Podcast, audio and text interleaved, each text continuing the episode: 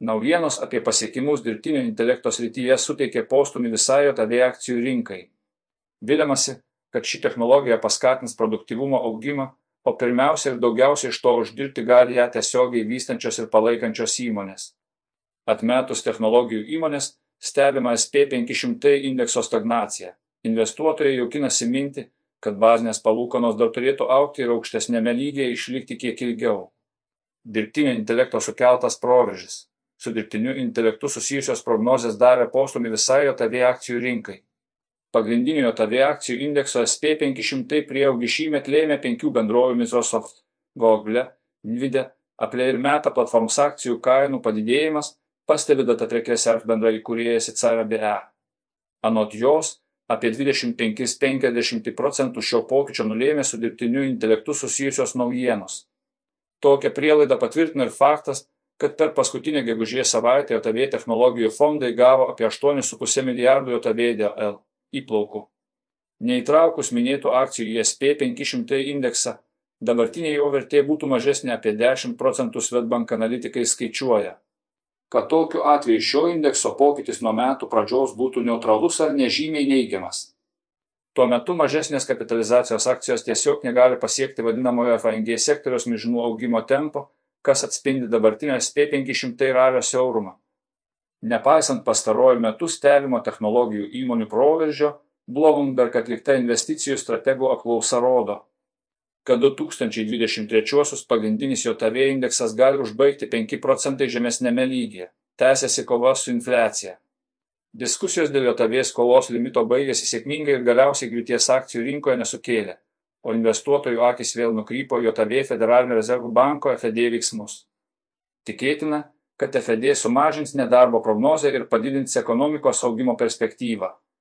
Tai galėtų reikšti didesnį bazinių palūkanų tikslą per 2023 metais ir toliau į ateitį nusikeliantį palūkanų sumažinimą.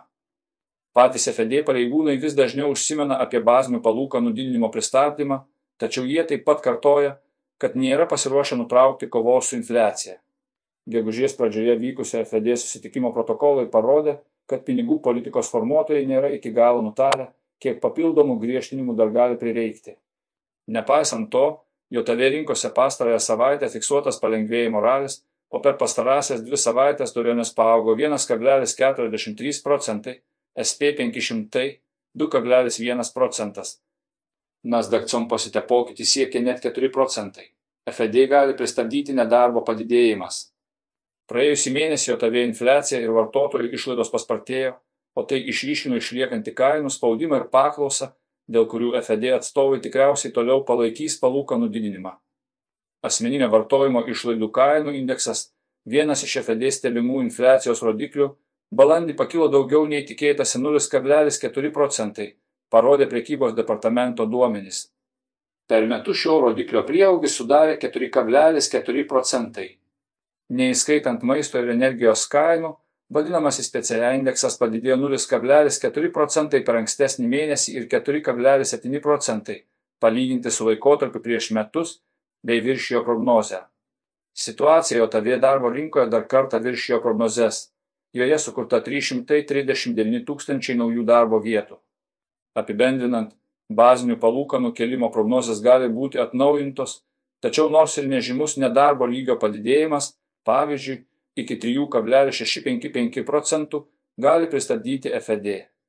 Sustiprėjęs JAV doleris. Euro kursas JAV dėl atžvilgių per pastarąsią savaitę sumažėjo beveik 1 procentas ir nusistovėjo ties 1,07 JAV dėl riba. Tuo metu svaro sterlingo kursas fiksavo nedidelį 0,13 procentų kritimą prieš JAV dėl ir birželio antra diena buvo prekiaujamas 1,24 JAV dėl už svarą santykių. Japonijos jena sustiprėjo 1 procentas, jos kursas prekyboje siekė 139 senas už dolerį. Svaras šoktelėjo po aukštesnės nei tikėtas Junktinės karalystės infliacijos paskelbimo. Balandį vartotojų kainų infliacija siekė 8,7 procentus, kai buvo prognozuota 8,2 procentai infliacija. Pagrindinė infliacija siekė 6,8 procentai, kai buvo laukiama 6,2 procentai lygio. Didesnė infliacija mažina tikimybę, kad Anglijos bankas padarys pauzę didindamas bazinės palūkanas. Didėja trumpalaikio obligacijų pajamingumas. Vienas didžiausių klausimų obligacijų rinkose yra tai, kada, kodėl ir kiek politikos formuotojai galiausiai sumažins palūkanų normas. Svetbank analitikai pastebi, kad dar prieš kelias savaitės rinkos dalyviai laukia pirmų pinigų politikos švelninimo požymių. Dabar šios viltis blėsta, nes ekonomika vis dar įkaitusi, o priešakyje tikėtinas dar bent vienas bazinių palūkanų padidinimas. JAV obligacijos, kurių išpirkimo terminas yra 2024 ir 2025 metai, jautriausiai reaguoja į būsimus pajamingumo lūkesčio pokyčius. Dviejų metų obligacijų pajamingumas per paskutinės dvi savaitės išaugo net 50 bazinių punktų ir pasiekė 4,50 procentų aukščiausias lygis šiame cikle buvo 5,0. 5 procentai 10 metų obligacijų pajamingumas minėtų laikotarpiu paaugo 17 bazinių punktų ir pasiekė 3,69 procentai. Pajamingumo kreivė, matuojama atotrukiu tarp 2 ir 10 metų obligacijų pajamingumo išlieka karsta, o jos inversija vėl pagilėjo iki minus 81 bazinių punktų. Pokytį iš esmės lėmė padidėjęs 2 metų obligacijų pajamingumas, mažėjanti eurozonos infliacija pagrindinė infliacija eurozonoje sumažėjo daugiau nei tikėtasi, tačiau vargu ar tai sustabdys Europos centrinį banką ECB, kita vertus, palūkanų piko horizontas jau pradeda ryškėti. Metinis vartotojų kainų pokytis, neįskaitant degalų ir maisto, gegužė siekia 5,3 procentus, palyginti su 5,6 procentus balandžio MEN Bloomberg. Ekonomisto apklausos vidurkis rodė 5,5 procentų pagrindinis infliacijos rodiklis sumažėjo iki žemiausio lygio per daugiau nei vienus metus ir siekė 6,1 procentą Vokietija tapo dar viena eurozono šalimi, kuri paskelbė apie staigų infliacijos sumažėjimą nuo 7,6 procentų balandį iki 6,3 procentų gegužę. Be to, Vokietijos ekonomika yra oficialiai recesijoje, nes praėjusiu metu paskutinį ketvirtį įtraukėsi pusę procento, o šių metų pirmą ketvirtį 0,3 procentai tai galutinai panaikino viltį, kad didžiausiai Europos ekonomikai pavyks įgyveninti švelnaus nusileidimo scenarijų - griežta ECB pareigūnų retorika. ECB prezidentė Kristina Lagarda dar kartą akcentavo poreikį laikytis griežtos pinigų politikos sakydama, kad ECB neketina daryti pertraukos atsižvelgiant į šiandieninę informaciją ir kad infliacijos perspektyva atrodo per aukšta ir per ilga. Vokietijos centrinio banko Bundesbanko vadovo Joachimo Nagerio teigimu, reikia dar kelių palūkanų padidinimo, o pinigų politikos griežtinimo ciklas nėra pasiekęs pabaigos. Norint pasiekti pakankamai ribojantį politikos lygį, reikės dar kelių palūkanų normų žingsnių, o tada turėsime išlaikyti šį lygį pakankamai ilgai, kol infliacija tvariai sumažės, sakė jis. Dividendinės akcijos paranda patrauklumą. Europos toks 600 akcijų indeksas penktadienio birželio antroji diena prekyba dviejų savaičių perspektyvoje baigė 1,4 procentai žemesnėme lygyje. Vokietijos DX indeksas laikotarpį baigė sumažėjęs 1 procentas, Jungtinės karalystės SE 100 indeksas nukrito apie 2 procentai tuo metu Baltijos MX Baltic Benchmark. Dviejų savaičių prekyba baigė pakilęs 0,4 procentai. Tipiniai dividendų mokėtojai Europos energetikos kalnakasybos ir finansų sektoriuose šiais metais atsiliko nuo bendros rinkos tendencijos, kai investuotojai dėmesį nukreipė į gynybos ir augimo sektorius. Dėl to dividendų pajamingumas tapo vienu praščiausiai veikiančių investavimo strategijos pasirinkimu Europoje ir JOTV. Abejonių kelia ir tai, kaip išaugusios palūkanos pakeis įmonių galimybės mokėti dividendus. Bei lėtėjantis Kinijos NT sektorius. Azijos akcijų rinkose Kinijos gamybos veikla gegužė susilpnėjo labiau nei tikėtasi.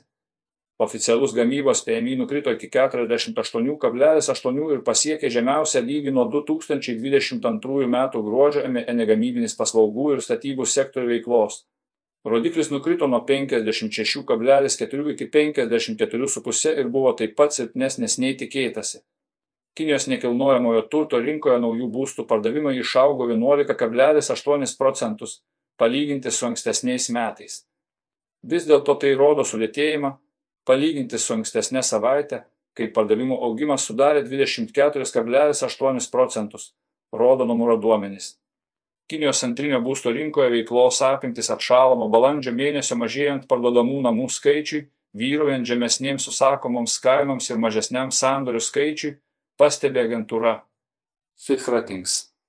Japonijos nikiai per pastarąsias dvi savaitės paaugo 1,4 procentai, Kinijos BLVX CSI 300 nukrito beveik 3 procentai, Honkongo HNG SNG per laikotarpį sumažėjo 3,7 procentai. Žaliavų kainos spaudžiamo žemyn. Žaliavų rinkose nepalankus makroekonominiai rodikliai toliau spaudžia naftos kainą žemyn. Pavyzdžiui, į Morgan skaičiuojamas pasaulinis gamybos PMI nėra padidėjęs nuo praėjusio rūpjūčio. Gamyba Kinijoje, kuri koreliuoja su dizelino paklausa, netrodo gerai, o naujausi Japonijos pramonės duomenys parodė netikėtą pramonės apimčių sumažėjimą. Svetbank analitikų vertinimu, kol pasaulinė gamyba neparodys pagerėjimo tendencijos, OPEC bandymas toliau mažinti naftos išgavimo apimtį ir riboti pasiūlą padės palaikyti dabartinį kainos lygį bet neturėtų sukelti jos padidėjimo. Brent naftos sandoriai dviejų savaičių perspektyvoje buvo prekiaujami 0,4 procentai aukščiau ir siekė 76 JV dėl L už barelį. JV WT į naftos kainą atpigo 0,4 procentai iki 71 JV dėl L penktadienio sesijos metu. Per pastarosius metus svaro kaina yra sumažėjusi apie 15 procentų, jos atšokimas dėl šlubuojančio Kinijos ekonomikos atsigavimo taip ir neįvyko. Nepaisant spartaus perėjimo prie žaliosios energetikos Europoje ir JOTV, jo kaina pastaruoju metu išlieka santykinai stabili. Silpni ekonominiai duomenys iš Kinijos, didžiausios vario vartotojos, turėjo didelę įtaką jo kainų kritimui, o metalo paklausa vidaus rinkoje buvo nuvilinti. Siekdama su tuo susidoroti, Kinijos liejyklos padidina savo eksportą, kas padeda papildyti atsargas kitur, tačiau dar labiau prisideda prie spaudimo vario kainai.